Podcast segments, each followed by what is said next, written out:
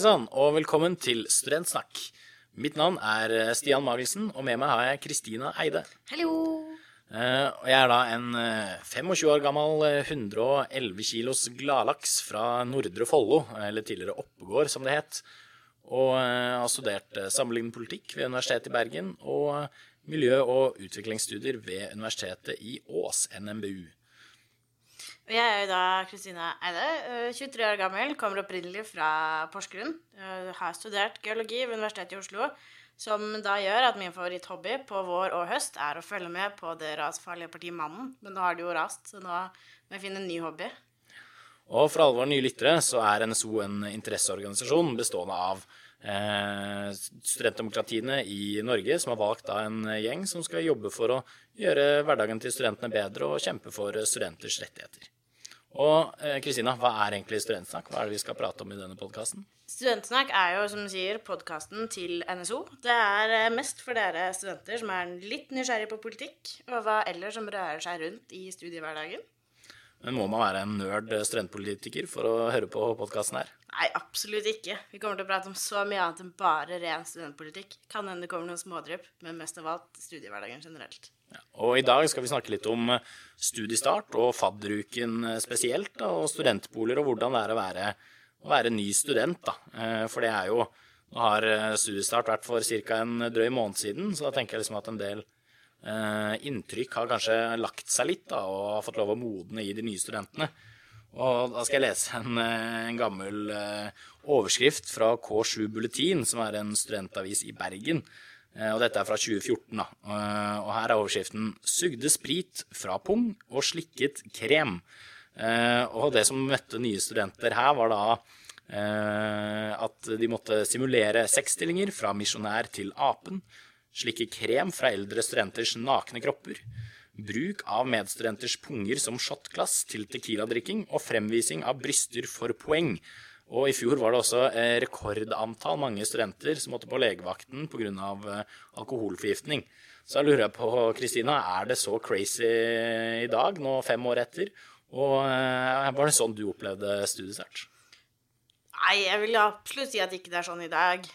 Nå så man jo i år at det er lavere tall på hva som har kommet inn på legevakta. Og de fleste storbyene har jo begynt med faddervakter, og det har foreløpig vært tall som har vært en veldig rolig fadderuke i år.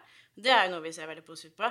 Og jeg husker når jeg begynte å studere nå for en fire, fire år siden, så var det også en veldig stille, rolig fadderuke. Nå var jo geomiljøet i Oslo var også ganske lite. Så vi bare var en gjeng som hadde det gøy og tok kanskje en par øl, men vi var jo masse på tur ute og så på stein.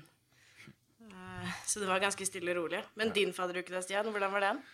Nei, det var, ikke, det var ikke så mye pung, eh, det var det ikke, men heller ikke så mye stein. Jeg husker eh, det var vel første dag i fadderuken, så var vi jo på byen, og da mistet jeg Det var jo en del alkohol innblandet, så mista jeg nøklene mine, og fant jo ikke de igjen. Så jeg måtte jo klatre inn vinduet på et naborom, og da alle rommene inne i kollektivet måtte da låses fra utsiden og med nøkkel, så rommet mitt var jo låst. Men jeg kom meg jo, fikk klatra inn på naborommet og sov i fosterstilling i en seng uten sengetøy. da.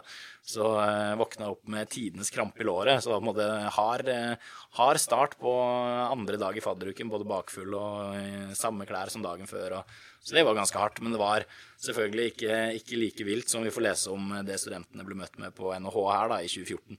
Men eh, så har det jo, som du sier, forbedra seg. Eh, Og det er en del tiltak som, eh, som har blitt satt inn, som f.eks. av faddervaktordning. Og da kunne vi jo lese i Krono nå at eh, det har bedret seg, og tallet har gått ned i år.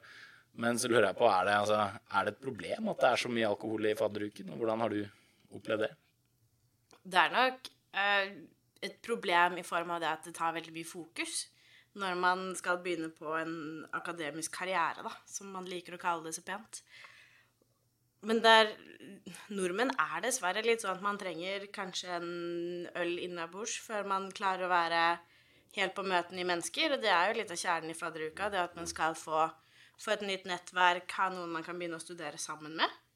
Eh, Men absolutt det at man går den veien med at institusjoner legger mer til rette for alkoholfokusfrie arrangementer og, og den type ting, er veldig bra.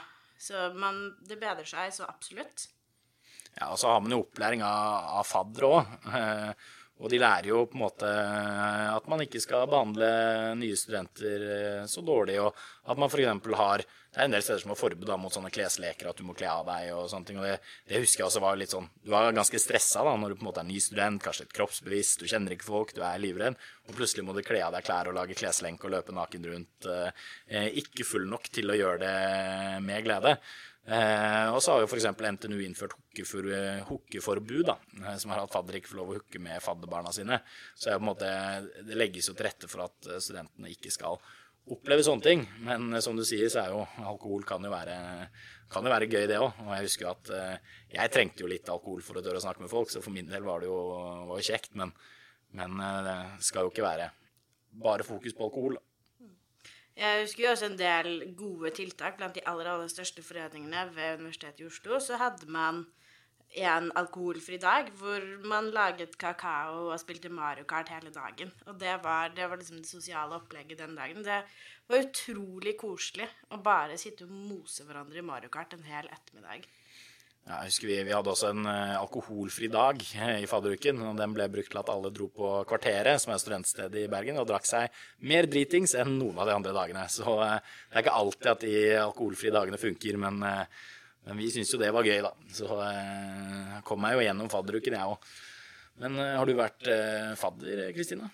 Ja, jeg var fadder andre året mitt. Det var veldig, veldig gøy. Vi var en veldig god gjeng som var faddere. og vi hadde veldig godt samarbeid med de ansatte på instituttet vårt. Og vi var på tur ute på Hovedøya i Oslo. Og ja, vi hadde jo sosiale sammenkomster hvor vi la til rette for at det var mulig å drikke alkohol, men også at det var mulig å kjøre det helt alkoholfritt. Og det var et veldig viktig fokus gjennom hele uka. Og mange av de som da var fadderbarn, er jeg fortsatt kontakt med, og fikk de, en del av dem inn i studentfrivilligheten også, som var veldig bra. Ja, og det er jo en, eh, en litt god bridge over på, på, det vi skal snakke om videre. fordi en viktig ting da når du er ny student, det er jo på en måte å, å, få venner. Det er jo det folk er veldig opptatt av. Og en måte å få venner på er jo faktisk eh, denne studentfrivilligheten å engasjere seg. Da kan vi også lese en overskrift i, i uh, Universitas som skriver om Korus Mixtus, som er et uh, jusstudentkor i Oslo. da. Uh, og da er overskriften 'I dag har vi jo de nye. Vi tar dem inn og danner en sekt'. Og dette handler om at de, har på en måte tatt inn en del nye studenter som eh, eh, har fått vært på opptak og blir del av en sånn liten gjeng da, som blir en sekt. Og mange studentorganisasjoner blir jo sett på som en sekt. Hva tenker du om hvor, hvor viktig er det å være studentfrivillig og bli med i noe lag på studiet når du har begynt? Det er jo alfa og omega, tenker jeg. I hvert fall hvis du kommer alene fra hjembyen din, eller ikke har med deg en vennegjeng du begynner å studere sammen med så er det jo noe helt eget å komme til et sted hvor alle er engasjert av det samme faget, og, eller i hvert fall samme fagretninger. Og da finne ting man liker, om det er uh, kinesisk film, sang, arrangementsting, kor, ja, etc., etc. Jeg tror det viktigste er bare å finne seg et nettverk. Og jeg har nå vært i altså Hvis jeg drar den litt tilbake til meg selv òg, har vært i samme forening fra, min, fra UiO da, i fire år. Og det er en helt herlig gjeng. De, det, det, blir noen som kan hjelpe deg med oppgaver hvis du står fast. Har en litt kjip dag, kanskje har krangla med kjæresten eller med venner eller familie. Det blir rett og slett liksom a family away from home, da.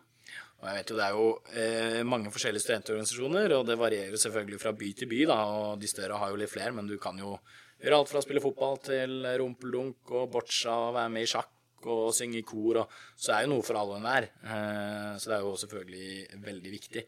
Så tenker jeg, hva, hva er tipset ditt da, for å liksom bli med? Har du noen tips? Hvordan kan man bli med i en organisasjon? Og hva bør man bli med i? Det er vanskelig å si hva man bør bli med i, for å begynne med det. For det er jo litt ut etter hva, hva man har interesser. Er man veldig glad i politikk, så er det flere institusjoner som har studentdemokrati, da, som jo vi bryr oss litt om. Og, eller man har partipolitiske lag. Og samtidig så har man også de som driver med idrett eller synger i kor. Men jeg tror nok det viktigste er å bare tørre å reise. Eh, eller sende en mail til den som er leder i foreningen og spørre om hei, jeg er litt usikker. Så er det sikkert noen i styret som ønsker å møte deg i forkant, ta en kaffe eller senke terskelen litt. Da. For veldig mange er jo bare interessert i å ha med flere. Eh, og det er sikkert mange som også har løsninger med sånn fadderordning inn i foreningene og sånt. Så jeg vet jeg i hvert fall et tiltak de gjorde i Oslo. Ja, og tipset vårt er selvfølgelig til alle som hører på, bli med i studentpolitikk. Det, det har vi hatt det gøy gjennom ganske mange år.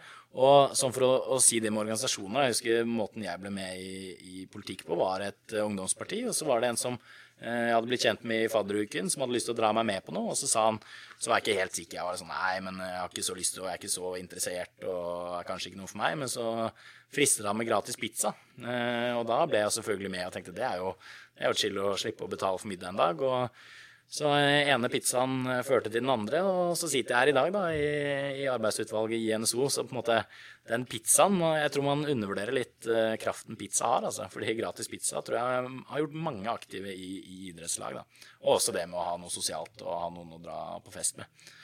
Og da er på en måte måten, eh, eller litt av grunnen til at fadderuken er bra òg, da, er jo at da får du jo Det er ikke sikkert du får de beste vennene gjennom å bli dritings med de og ikke huske helt hva dere snakket om dagen før, men du har i hvert fall ansikter på noen, og noen du kan sette deg ved siden av i forelesningssalen, og, og som kanskje drar deg med på aktiviteter. Da. For det er jo det er ikke alltid så lett å, å strekke ut en hånd og ta tak i bare ta tak i en annen og spørre om man skal finne på noe. Det er jo greit å ha det institusjonalisert, da. Selv om jeg husker at Eh, etter at jeg hadde begynt å studere, så hadde jeg ikke blitt kjent med så mange på en stund. Og så tenkte jeg nå må jeg liksom hoppe ut i det, nå trenger jeg en venn. Eh, og da var det den ene jeg studerte med, som Jeg bodde like ved et fjell da, i Bergen. Så spurte han eh, hei, har du lyst til å bli med på en fjelltur. Og det er jo det er ikke helt norsk da, å være den som på en måte tar det steget. Og han ble jo kjempeglad og var jo elsket å gå tur i fjellet, men så tror jeg han ble litt skuffet etterpå. da, for Han trodde han hadde fått en ny sånn fjellturkamerat, men det, jeg er ikke så glad i å gå tur i fjellet. Så eh, det ble ikke så mange turer etter det. Men vi ble i hvert fall venner og, og kunne drikke sammen. Altså det er jo, eh, Man finner jo hverandre på mange måter. Så man må jo ikke være med i en studentorganisasjon, men det gjør det jo mye enklere. Og da slipper du å være den som, som strekker ut en hånd. Mange studentforeninger og studentorganisasjoner på uh, universitet og høyskoler uh, driver jo også med kjærlighetsgaranti. Ja. Uh, det er jo kjenner flere par som både har blitt sammen og gjort det slutt igjen, og fortsatt vært gode venner gjennom å ha de samme interessene. Så ja. absolutt. Det er også veldig pizza og kjæreste. Det er det du får av å engasjere deg. Så veldig viktige ting utenom, utenom studiet som folk selvfølgelig må fokusere på. Men en ting som også er litt viktig å fokusere på utenom studiet, Stian, det er vel det å ha et tak over hodet? Ja, det, du vil jo gjerne bo et sted. Eh, og da er det jo mange måter å eh, Ulike måter å bo på, da. Og vi kan jo lese en overskrift i Studvest nå, altså studentavisen eh, på Vestlandet og i Bergen. Eh, som da overskriften er 'Beboere på Brann stadion våknet om natta og bader i svette'. Eh, og dette handler om en, noen nye studentboliger i Bergen som er bygd ved, ved Brann sin stadion. da. Og, og, det som er problemet her, er at uh, vinduene på hybelen ikke går helt opp. Og det kan ikke bli uh, kaldere på rommet enn det på en måte luften er utenfor. Da. Så når det blir veldig varmt, så blir det greit og svett. Og dette er jo, Nå skal det jo sies at de var fornøyde med prisen og fornøyde med leiligheten sin, og de har fått, fått fikset noe av problemet. Dette er jo på en måte et bilde på, på ting man kan oppleve når man bor. Og så kan man jo bo på forskjellige måter. Så bodde du i studenthybel, eller bodde du i eget privat kollektiv, eller bodde du i egen leilighet? Når jeg først flyttet til Oslo, så bodde jeg to og et halvt, tre år i uh, studenthybel av Samskipnaden. Det var en veldig fin måte å komme inn til Oslo og liksom flytte for seg selv første gang. Men det, jeg delte kjøkken i den første leiligheten jeg hadde. Der var det litt diverse av folk man bodde sammen med. Jeg husker det var noen som satt på kjøkkenet hele dagen og brukte det som sin private lesesal. Da skal jeg ærlig innrømme at det ble litt mange middager på Blindern. Eh, men utover det så var det fint. Nærme campus, levende miljø. Fant en gjeng som vi satt grilla bak butikken i studentbyen. Det var veldig koselig. Eh, og litt senere så har jeg flyttet for meg selv, da. Men du da, Stian, hvordan bodde du når du flyttet til Bergen? Nei, altså Nå har jeg jo bodd i, i, i, mye forskjellige kollektiv. da Jeg har alltid bodd privat eller i private kollektiv, så ikke bodd i studentbolig. Eh, og nå har jeg bodd med så mange jeg både kjenner og, og sånn, så jeg har ikke tenkt å henge ut, henge ut alle sammen. Men jeg har selvfølgelig opplevd mye rart. Jeg husker eh, første dagen min i Bergen. Så eh, kom jeg inn på rommet og hadde liksom bare vært og sett rommet én dag i løpet av sommeren. Og så Eh, kjørte jeg og moren min da, til, eh, til, Bergen og fikk lempet av alle sakene våre. Og når jeg fløy tilbake igjen, så kom jeg inn på rommet hvor alt bare lå uten å være pakket ut, ingenting var klart. Så alt jeg hadde, var liksom en seng, masse ting og en klappstol. Og da satte jeg meg på den klappstolen midt i rommet og var litt sånn, litt sånn deppa alene og ringte mamma og var litt sånn Ja, ja, det, dette er livet og det regnet jo selvfølgelig i Bergen. Det er jo en grå og trist eh, by noen ganger. Og så husker jeg døren min var åpen, og så var på andre siden av gangen så var det, en, eh, så var det et baderom. da.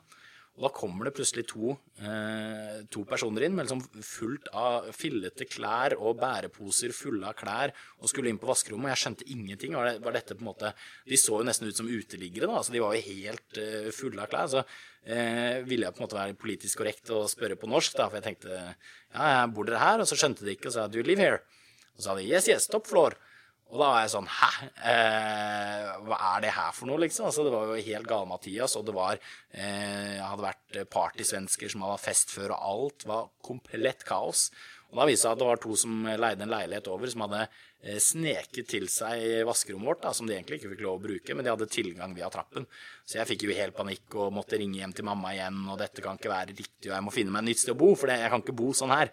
Eh, og da, da, ble jeg jo livredd for hva, hva en kollektiv er, da. Så man opplever jo mye forskjellige ting, og, da, og akkurat med det så kan det være greit å vite liksom, hva slags rettighet man har, og sånne ting. Så jeg vet ikke om du har noen tips til enten hvordan man kan trives, eller uh, hvordan man kan sørge for at man har et trygt sted å bo?